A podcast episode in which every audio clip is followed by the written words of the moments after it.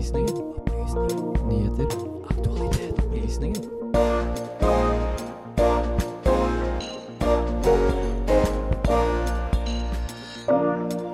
Yasinda Andren gir seg som statsminister av New Zealand. Hvorfor? Og ekskongen av Hellas er død, men hvem var egentlig han?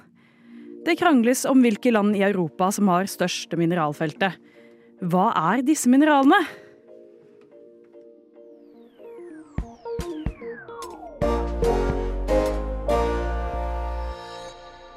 God morgen, god morgen, og velkommen til opplysningen her på Radio Nova. Mitt navn er Runa Årskog, og med meg i studio i dag så har jeg med meg Lise Benus. God morgen. God morgen. Og Amalie Sundby. Hei, hei. Har dere en fin morgen, eller?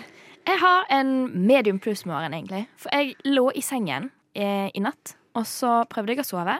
Så jeg satte på en, en, en video som var ca. en halvtime lang. Og så tenkte jeg i løpet av den halvtimen så sovner jeg. Så lukka jeg øynene mine, og så plutselig så innså jeg at den videoen den er allerede over. Så jeg, eh, jeg sleit skikkelig med å sovne i går kveld. Eh, men, eh, men akkurat nå så går det fint, for jeg har drukket kaffe. Ja, det har jeg også. Har du også fått i deg kaffe, Amalie? Ja, men ikke nok. Nei.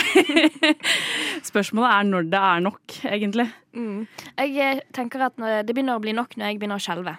Da, da legger jeg ned koppen. Jeg er ikke helt der ennå. Hadde du en god morgen i dag, Amalie? Ja, som passer, men jeg er også ganske trøtt. Ja, jeg er eh, overraskende ikke trøtt, til tross for at jeg tror jeg sovna nærmere ett. Men eh, det, det må vi skylde Instagram og TikTok for. For man blir liggende og scrolle, og så plutselig så eh, er de ti minuttene blitt til en time. Jeg vet ikke om dere kjenner dere igjen. Absolutt. Absolutt. Mm. Men da er vi i gang med denne sendingen, og først skal vi få eh, litt musikk her på Radio Nova. Det blir Good Kid av Bo Millie.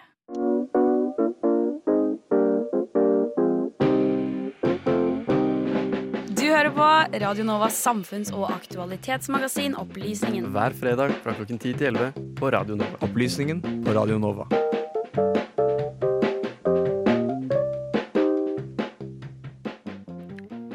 Det stemmer, du hører på Opplysningen. eh, Og nå har jeg lyst til å stille deg noen spørsmål, Lise. Den er grei. Fordi det er tross alt bare 12 av 193 folkevalgte i verden som er kvinner. Eh, tror du det er vanskeligere for kvinner å være statsledere? Jeg tror, eh, Nå blir det litt sånn synsing, da. Eh, men jeg tror at veldig mange kvinnelige statsledere eh, har Altså Det blir vanskeligere for dem fordi at man har på en måte sånne stereotyper mot kvinner. At å ja, men de, de blir jo så emosjonelle, og de er jo styrt av følelsene sine. At det er liksom mange sånne tanker ute og går. Det ser man jo òg veldig mye på internett og sånn. Å ja, men hun, eh, hun har jo sikkert mensen, så derfor kan hun ikke eh, kan hun ikke styre et land ordentlig. Så jeg tror det absolutt er vanskeligere for kvinner. Og så òg det at eh, kvinner kanskje har eh, det litt vanskeligere når det kommer til å bli tatt seriøst. Man hører gjerne ikke eh, ordentlig etter når de sier noe, at det er jo bare tull. De vet jo egentlig ikke hva de driver med, og hele den. Og så, jeg merker jo, Det er jo ikke helt det samme, men jeg skal jo bli lærer. Og jeg merker jo eh, at det er lettere for en mannlig eh, kollega eh, å ta kontroll over eh, et klasserom enn det er for meg. For eh, de er jo fysisk større som regel enn jeg er. Jeg er jo er ikke høyeste eh, menneske der ute. Eh, så det kan jo òg faktisk ha eh, en del å si. Den fysiske størrelsen. Det er lettere å ta plass hvis du er litt større enn når man er liten. Hva tenker du, Amalie? Tar du mannlige ledere mer seriøst enn kvinnelige? Nei, jeg gjør ikke det, men en ting som jeg faktisk tenkte på For noen år siden så var det jo eh, mye kritikk mot eh, eh, Tine Skei Grande fordi hun hadde grått.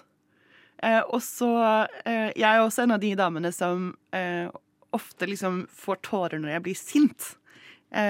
Og så gjorde jeg litt research på det, og så fant jeg ut at kvinner har faktisk mindre tårekanaler enn menn. Så de fyller seg opp mye raskere. Så det er faktisk en biologisk grunn til at vi oftere At det kommer tårer ut, da. Eh, og da syns jeg faktisk det er litt urettferdig å på en måte bruke det mot oss som på en måte får en sånn type sinnereaksjon, da. Eh, eller eh, følelsesreaksjon. Fordi det er jo, jeg har lest sånn Jeg tror jeg flytta inn et sted hvor det hang fra før sånne regler på do. Hvor det var sånn Sånn skal det være hjemme hos oss. Eh, og da sto det Et av punktene var tårer er alltid et våpen. Og jeg bare hæ? Jeg gråt jo ikke med vilje. Jeg prøver jo å holde det inne, liksom. Jeg bare kan ikke. Åh, det er så vondt det når man står på bristepunktet og man er så sint, og så kommer tårene, og så er det sånn Nei, nei, nei, nei, nei. Ja. Jeg skal bli ferdig med å argumentere, jeg skal si, jeg vil ikke begynne å grine. Men det er jo litt interessant da, at bare fordi at man viser følelser, så har man da en tanke om at det du sier er mindre seriøst, fordi at det, er følelsesladet. Men alt man gjør, er jo på et eller annet vis følelseladet. Man kan ikke gå gjennom livet og ikke føle på noe som helst. Eh, så, og som regel er jo de største, mest, betente politiske diskusjonene og problemene er jo som regel følelseladet. Det er jo ikke akkurat hyggelige, alltid hyggelige politiske diskusjoner ute i verden. Nei, og det er en kjensgjerning at det er færre kvinner. 12 av 90, 193, det er veldig få. Eh, og nå blir det kanskje bare 11, for nå har statsministeren av New Zealand trukket seg.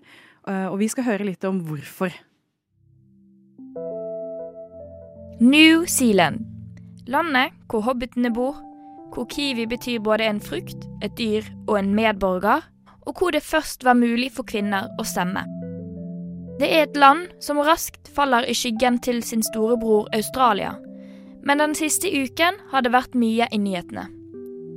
Tidligere statsminister Jacinda Arden valgte 19.1 å annonsere at hun trekker seg fra vervet som statsminister, og det kom raskt fram at Chris Hipkins skal overta rollen. Men hvem er denne beryktede kvinnen, og hvorfor trekker Arden seg? Jacinda Arden tilhører sentrum-venstre-partiet The Labour Party og ble stemt inn som statsminister høsten 2017.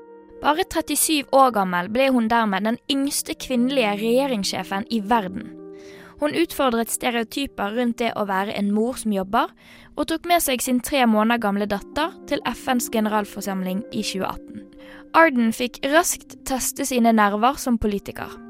Etter halvannet år med makten ble New Zealand i 2019 rammet av sin verste terrorhendelse i moderne tid.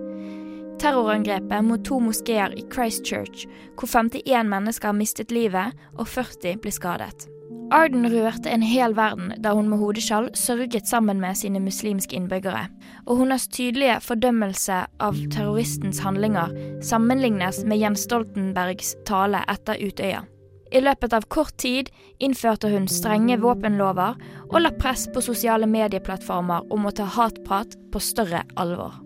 Knappe seks måneder seinere, desember 2019, tar et vulkanutbrudd på øyen White Island livet av 21 mennesker, blant disse turister og turguider. Igjen tar Arden rollen som landets leder på alvor, drar ned og gir støtte til etterlatte og nødetatene på stedet.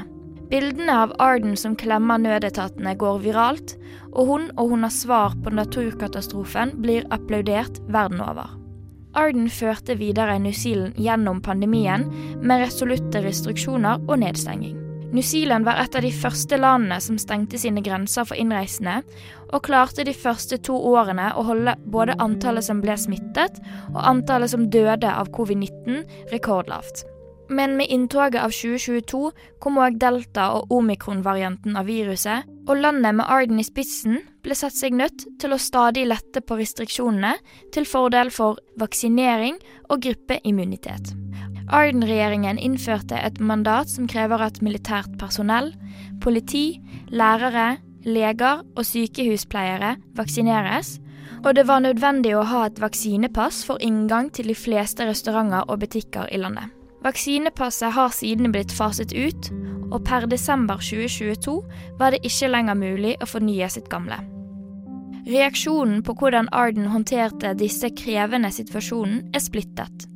Spesielt stor kritikk har kommet fra ytre høyre fløy. De var kritiske til politikken ført under pandemien og rundt vaksinen mot sykdommen, og de var heller ikke særlig fornøyd med de nye og strengere våpenlovene. Månedene går og kritikken hagler fra alle kanter. Både politikeren Arden og partiet Arden er leder for, mister popularitet. Partiet Arden leder, The Labour Party, som lå på en rekordhøy 49% av oppslutningen til folk under pandemien, synker ned til 32% i januar 2023. De ligger på de nasjonale oversiktene nå under sin største konkurrent, The National Party, som har klamret til seg 37% under samme måling. Men ikke bare har kritikken gått utover oppslutningen til The Labour Party. Det har òg gått utover psyken til Jacinda Arden. Under sin tale den 19. januar 2023, hvor Arden røper at hun skal trekke seg som statsminister, forklarer hun. I'm entering now my sixth year in office. And for each of these years, I have given my absolute all. I believe that leading a country is the most privileged job anyone could ever have, but also one of the more challenging. You cannot and should not do it unless you have a full tank, plus a bit in reserve for those unexpected challenges. This summer, I had hoped to find a way to prepare not just for another year, but another term, because that is what this year requires. I have not been able to do that. Reaksjonene til sjokknyheten om at Arden gir seg som statsminister, har òg vært blandet. Noen påstår at Arden har vært den beste statsministeren de har opplevd i sin levetid, mens andre kaller Arden en hypokritt. Overtagelsen av makten har gått raskt for seg, og Chris Hipkins ble tatt i ed som New Zealands nye statsminister onsdag 25.1.2023. Hipkins var den eneste kandidaten til vervet, og har ni måneder på seg før det kommende valget i oktober 2023. Vi ønsker han lykke til. Han har noen store sko å fylle. Reporter i denne saken var Lise Benus, og lyden dere hørte var fra VG. As much as it's been 20 years since apartheid, like blacks have been freed, not much is, like has changed. Så her er det jo helt klart at regjeringen ikke leverer faktisk på at Norge skal bli det beste landet i verden for skeive. Chavez is the guy who finally could destroy Venezuela. Opplysningen hver fredag mellom klokken 10 og 11 på Radio Nova.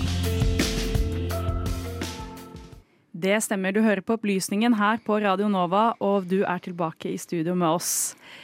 Jeg lurer på en ting, Amalie. Er du for eller imot monarkiet?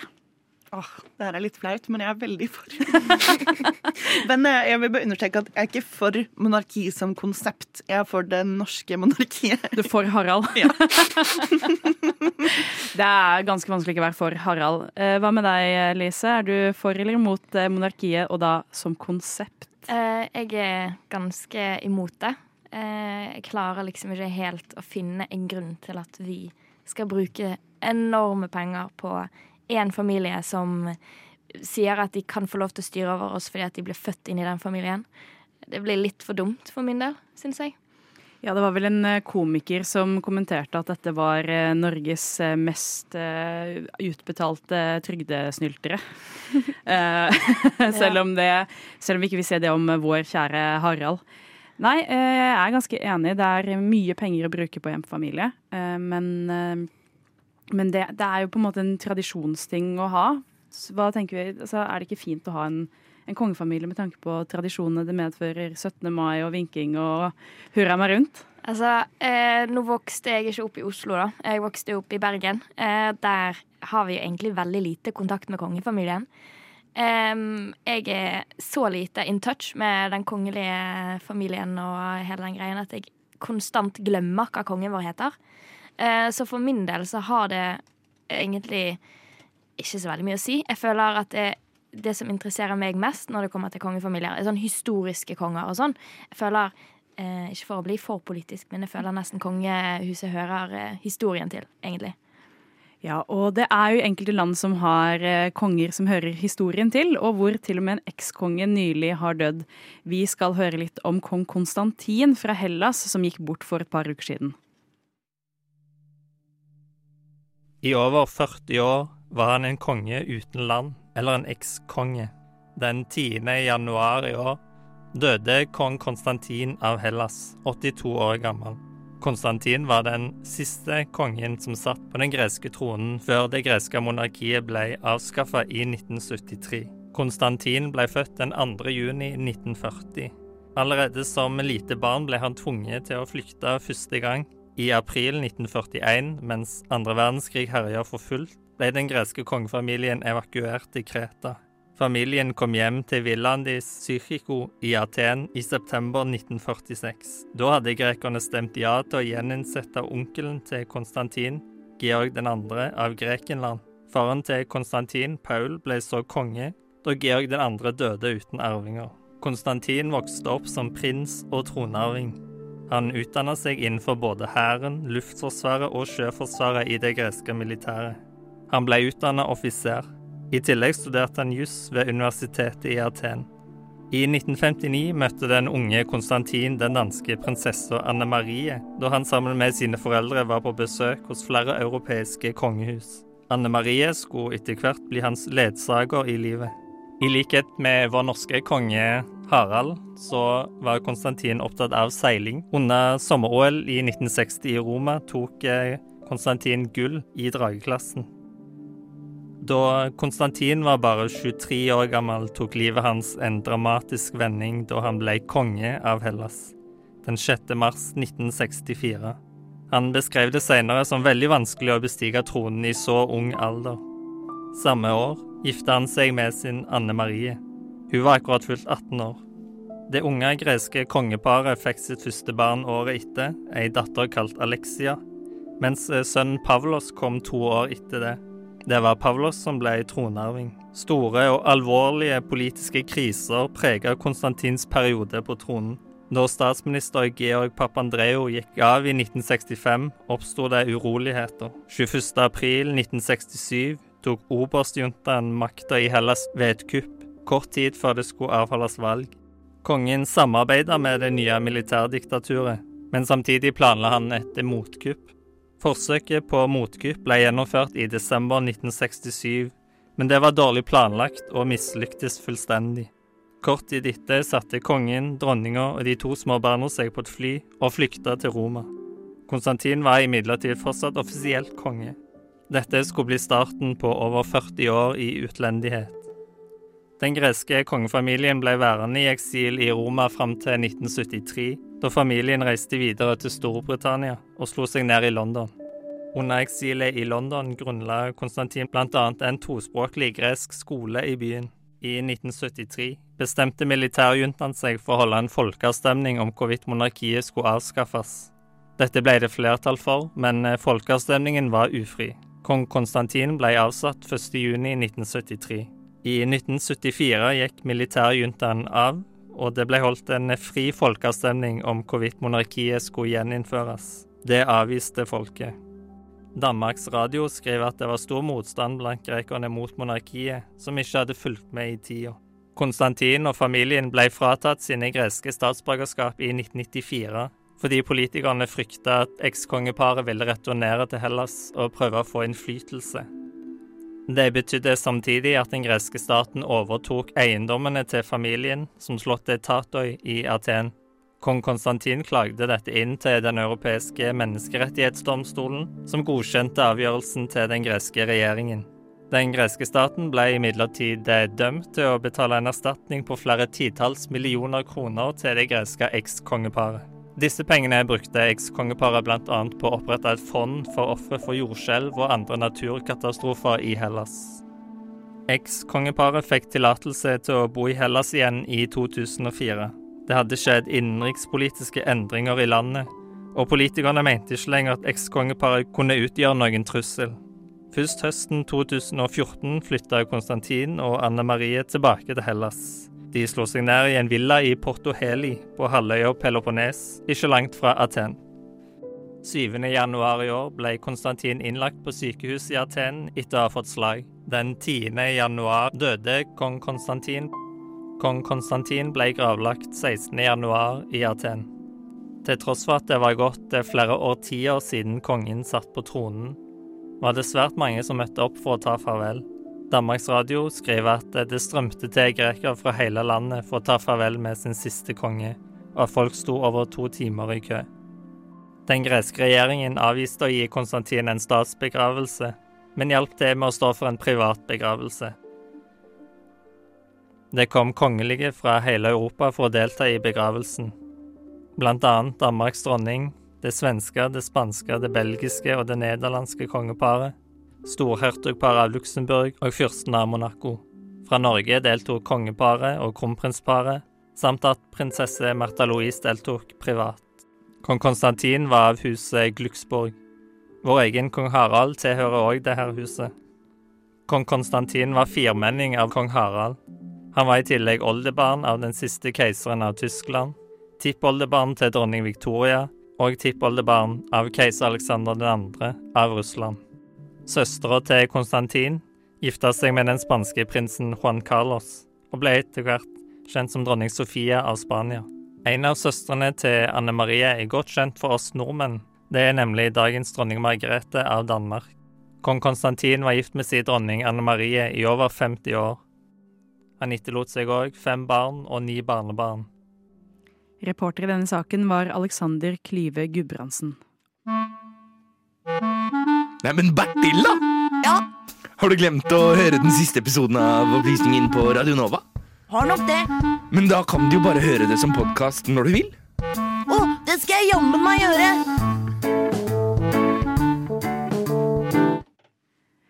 Hei og velkommen tilbake til Radio Nova, og vi er på opplysningssendingen. Nå skal vi gå litt videre inn i eh, en sak som jeg i hvert fall syns er veldig spennende. Den eh, er nemlig om gullbarbiene, som deles ut eh, hvert eneste år av Press fra Redd Barnas ungdomsorganisasjon. Og først og fremst så lurer jeg litt på, Lise, hva syns du om Gullbarbie-prisen? Personlig så syns jeg det er en, en veldig fin pris når det kommer til å liksom sette ting litt på spissen. For det er veldig ofte at jeg går rundt og tenker Altså, ikke nødvendigvis er bevisst på eh, hvor mye ting kan påvirke meg. Um, som for eksempel den ene eh, Det ene som er nom nominert til en Gullbarbie i år, er Ex on the Beach. Og ja, det var ikke før den ble nominert til en Gullbarbie at jeg tenkte at sånn Oi, det er egentlig veldig sant. Altså, det er veldig når man på en måte har de der intervjuene når det kommer folk på, så sier de sånn Å nei, jeg vil ha en person som ser sånn og sånn ut, og de må være trent, og de må være tynne, og de må ha stor rumpe og stor tits og hele den der. Og det er liksom ikke noe man nødvendigvis sitter og tenker på når man ser på det, men det er jo noe som påvirker. Så kan man jo diskutere om det har en stor effekt, om det virkelig endrer eh, samfunnet og trender og sånn. Men jeg syns det er veldig en positiv ting da, å ha. Ja, det er altså, jeg er helt enig med deg at det er viktig å sette fokus uh, på dette. Uh, men jeg tenkte vi skulle snakke litt om de ulike som er nominerte. Da kan vi jo begynne med Ex on the Beach. Uh, ser du mye på det, eller Amalie? Jeg har faktisk aldri sett en eneste episode. ja, der er jeg svar skyldig i at jeg har sett altfor mange episoder av dette programmet. Um, men har du fått med deg at du har jo fått med deg at de er eh, nominert til denne Gullbarbien. Og du har jo sett eh, plakatene til Ex on the Beach. Syns du det er fortjent at de er nominert?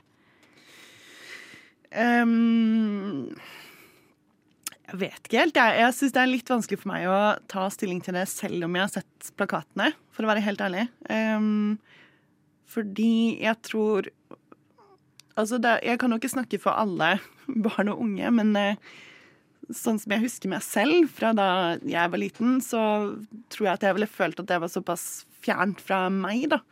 Jeg gikk jo på Steinerskolen og var med i Natur og Ungdom og altså eh, Gjorde et stort nummer ut av å kle meg rart, så jeg gikk med en sånn eh, spiss lue med bjelle på og blomstrete jakke og rutete bukse. Altså, jeg vet ikke. Eh, men samtidig så eh, kan jeg jo se at når du på en måte ser kropper da, presentert på en eh, eh, hva skal man si lite variert måte, eh, og blir presentert for det, eh, så begynner man jo å lure på om man selv er bra nok, når man ikke ser lik ut. Mm.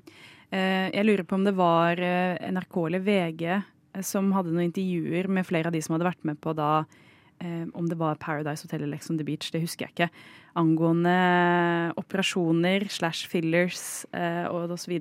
På om de hadde gjort noe før de ble med.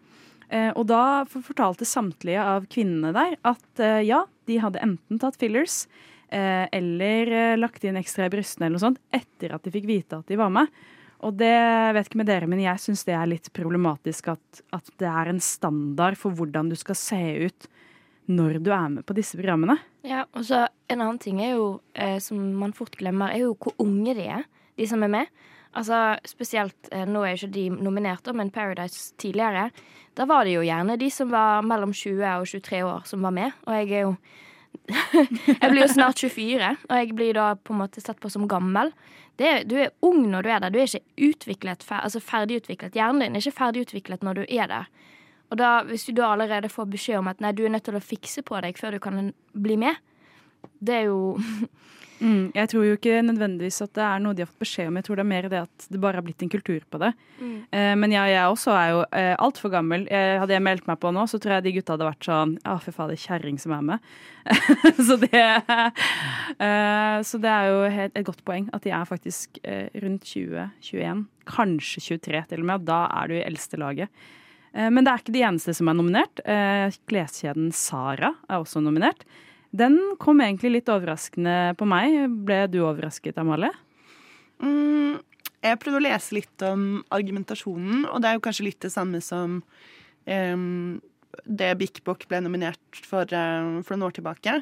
Uh, nemlig at uh, størrelsene, og da spesielt i butikken, er ganske små. Og det kan jeg jo kjenne meg litt igjen i, faktisk. At hvis jeg handler på Sara, så må jeg kanskje gå opp en størrelse fra det som jeg ville kjøpt i en annen butikk, da. Um, men det handler jo litt også om at eh, jeg tror i Spania så er de litt mindre. Um, men eh, noe av det som jeg syns var positivt da jeg leste om det Vikbok-saken, var jo at de faktisk endret størrelsene etter at de vant eh, Gullbarbien. Så um, det er jo kanskje mer effektivt Eller jeg, jeg tror man kan kanskje påvirke en kleskjede i større grad enn et TV-program, da. med en sånn pris. Mm, det er veldig interessant. Det visste jeg ikke at de endra størrelsene. Eh, Book har jo vært et sted jeg ikke kan eh, kjøpe klær, og hvor jeg faktisk en gang til og med fikk beskjed om at beklager, vi selger ikke så store størrelser. Så det er jo en eh, Det er jo en eh, sak at kleskjedene selger veldig, veldig små størrelser. Eh, og jeg tror på Sara så har de faktisk Jeg vet ikke om dere har sett, lagt merke til det, men de er en sånn runding eller trekant eller firkant eh, inne i klærne. Og det skal si noe om den er stor eller liten i størrelsen i forhold til normalen. Som jeg syns er sånn Kan dere ikke bare ha en standard størrelse? Utrolig vanskelig å finne noe som passer. Mm. Jeg vet ikke hva du syns om Sara som, eh, som kleskjeden som er nominert.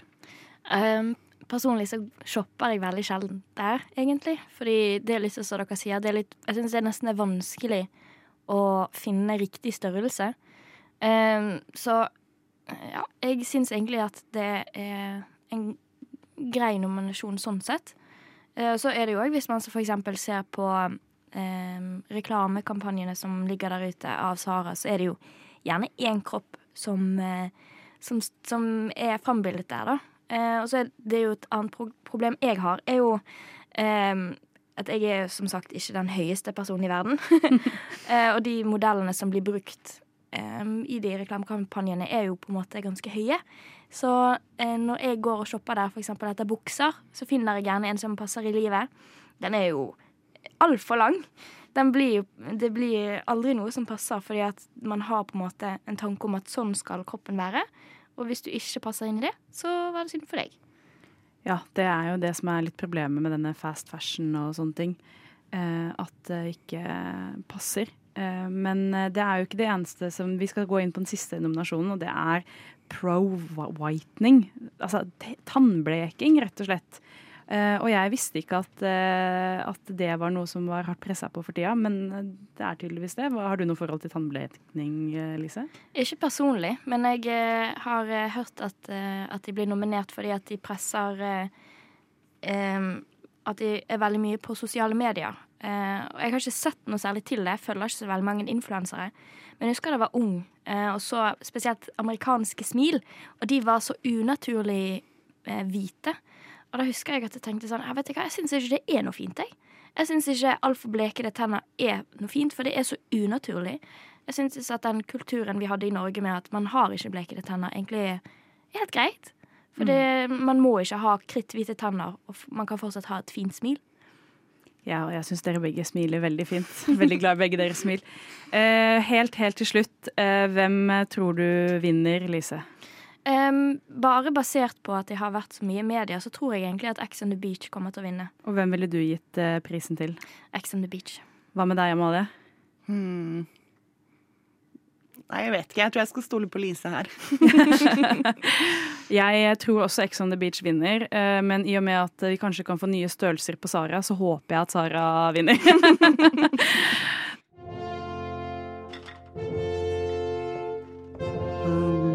Perhaps you would like a marmalade sandwich. I always keep one for emergencies. So do I. I keep mine in here. Opplysningen. Perfekt til syltetøysmørbrødet.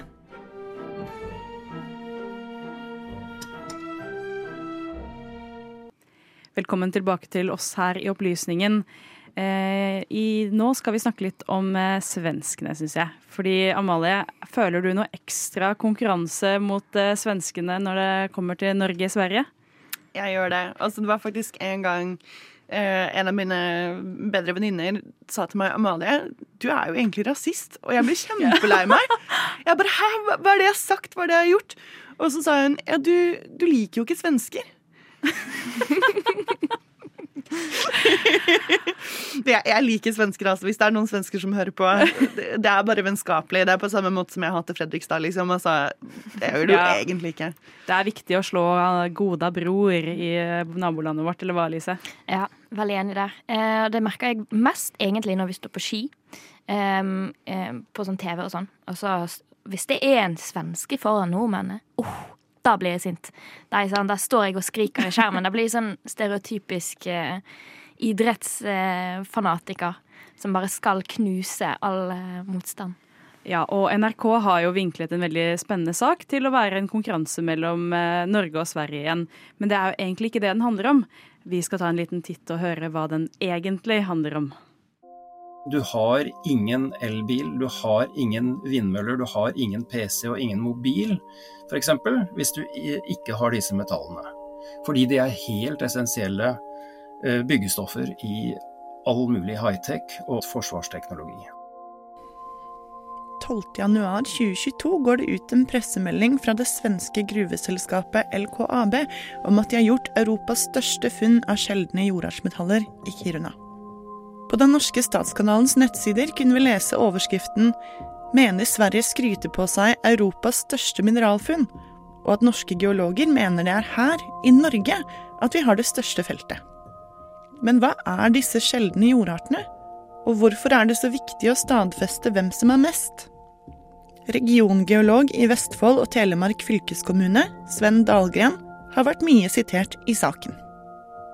En av mine jobber det er å eh, jobbe med mineralressurser. Det er den viktigste jobben vi har. Eh, hvilke mineralressurser er vi har som er for framtida? Eh, og da snakker vi spesifikt om det grønne skiftet. Fordi vi får ikke til noe som helst grønt skifte uten mineralressurser. Og så er det sånn at eh, Europa, og Norge inkludert, er helt avhengig av mineralressurser som vi får fra alle mulige andre deler av verden enn vår egen. Og sårbarheten for Europa og Norge er økende fordi vi har stort sett én kilde, og det er Kina. Det er litt produksjon i Australia, litt i eh, USA, men det er ikke nok. Men hva slags mineraler er det snakk om? Kommer litt an på hvordan du teller, men det er rundt eh, 17 eh, metaller som eh, er som eh, de vi alle kjenner så godt. Eh, Lantan, serium, prasodym, neodym, samarium, europium, gadolinium, terbium, dysprosium, holmium, erbium, tulium, ytterbium og lutetium. Og så kan vi legge på skandium og ytterium. Og det er ikke noe sånt som folk flest har så veldig mye forhold til, da, når du hører navna. Men det som er det aller viktigste for uh, vår hverdag, det er jo da neodym og eh, praseodym, som vi bruker i permanentmagneter. Og det, du får ikke en elbil til å gå uten det. Og det er kanskje ikke så merkelig at svenskene er opptatt av disse grunnstoffene. Mange av dem ble nemlig oppdaget nettopp der. Ifølge historien var det den entusiastiske amatørgeologen løytnant Carl Axel Arenius som fant en spennende stein i en gruve på slutten av 1700-tallet. Og flere av de 17 sjeldne jordartene har navnet sitt fra dette funnet. En plass som heter Ytterby i eh, Sverige. eh, Der eh, altså disse såkalte sjeldne jordartsmetallene de er egentlig ikke så sjeldne, men de var veldig vanskelig å påvise på 1800-tallet fordi at de er så innmari like. Eh, altså sånn kjemisk sett veldig like. Når du først finner de geologisk sett, og du finner jo naturen, og da finner du det som et eller annet mineral i en lang geologisk setting. Og der fant man da det ene etter det andre. Så ytterbium og eh, terbium og erbium osv. Alt dette her, det er jo da fra det samme forekomsten ved Ytterby, bare at de sløyfa noen bokstaver og kalte de forskjellige elementene med ulike navn der. Og det var også på det tidspunktet at de kalte det for skjelvsynda jordarter i Sverige. Av sjeldne jordarter, altså. Fordi at de kalte alle mulige ting for jord, da. De, som ikke var sånn jern og kobber og sånn. Eh, Og da har det blitt hengende etterpå. Men det er jo ikke noe jord, dette her. Dette er metaller. Jeg spør Dahlgren hvorfor det har vært så mye fokus på hvem som har det største funnet. Ja, altså I eh, 2011 så skrudde Kina igjen krana for leveranser av sjeldenjordartsmetaller til eh, vestlige land. Og det som skulle produseres, det måtte produseres i Kina, og det laga jo sjokkbølger gjennom store deler av verden. Det var spesielt Japan som blei utsatt for en restriksjon. Eh, Men eh, det betydde også at EU da måtte begynne å kikke litt etter hva har vi i Europa. Og så har det vært da flere prosjekter eh, gjennom åra, og eh, det har ikke vært noen veldig store forekomster, bortsett fra en som eh, ligger ved Venneren og heter eh, Nora Kjær i Sverige, og så en par på Grønland. Men ikke noe sånn spesielt godt egna type mineraler. Og så er det Fensfeltet ved Ulefoss som undertegnede og et par industriselskaper har jobba med. Og eh, Fensfeltet i Norge, altså det gikk litt under radaren, var tross alt et EU-prosjekt dette dreide seg om. Men eh, så gjorde regionbiologen, altså jeg, eh, en jobb i fra 2015 til 2019, hvor vi også fikk eh, midler fra regjeringen til å bore to lange kjerner, eh, borekjerner, og analysere. Og så har vi jobba med å kartlegge forekomsten og konkludert med at dette her er faktisk Fensfeltet ved Ulfoss er Europas største forekomst av sjeldne jordartsmetaller i form av karbonater og fosfater. Og Størrelsen er eh, rundt regna 40 millioner tonn, og det er ekstremt stort. Og eh, så når da nylig eh, LKAB i Sverige meldte at de hadde funnet Europas største forekomst av sjeldne jordartsmetaller og meldte 1 million tonn, så har vi jo faktisk da 40 ganger større forekomst i Fensfeltet enn det som de jobber med borte i Sverige. Og da kunne de jo ikke komme der og påstå at de hadde funnet Europas største forekomst. Det er EUs største forekomst, men ikke Europas. Dahlgren understreker at disse ressursene er helt essensielle for å få til det grønne skiftet, men at det ligger et stykke frem i tid. Altså Om svenskene har en forekomst og nordmennene har en forekomst, så er det bare bra. Vi trenger flere kilder. eh, Og det ene trenger ikke gjøre at det andre ikke er eh, noe framtidsretta. Så derfor så tror jeg nok at Europa kan eh, godt komme til å si ja takk, begge deler. Akkurat som Ole Broen. Reporter i denne saken var Amalie Sundby. Mr. Speaker, I am a fighter and not a quitter. I have therefore spoken to His Majesty the King to notify him that I am resigning as leader of the Conservative Party. Opplysningen. Vi trekker oss ikke. Jeg lover. Og vi trekker oss ikke, men nå har vi kommet ved veis ende for denne sendingen. Eh, Lise, skal det noe spennende denne helga? Jeg har endelig blitt kvitt mitt eh, altfor store bord, eh, så jeg skal på bordshopping. Deilig, deilig å bli kvitt et stort bord og få et som passer på plass. Hva med deg, Amalie? Har du noen spennende planer for denne helga? Jeg tror kanskje jeg skal prøve å finne en langpanne som passer til miniovnen min. Åh, Det må du ha veldig mye lykke til med. Eh, Jeg personlig skal faktisk dra og klatre i dag. Eh, Så da håper jeg at det hinderet som jeg ikke fikk til sist gang, er der. Eh, Så jeg kan prøve igjen og igjen og igjen. For eh, staheten lenge leve. Eh, Og medvirkende i denne sendingen det har vært Lise Benus, Alexander Klyve Gudbrandsen og Amalie Sundby. Og med meg i studio i dag så har, jeg hatt Lise Benus og Amalie Sundby. Og, og vår tekniker med oss i dag er Maria Skjerven. Tusen takk for at du kunne være her. Mitt navn er Runa Årskog, og vi gleder oss til å komme tilbake til dere neste uke. Men ikke gå noen steder, for rett etter oss kommer studentnyhetene.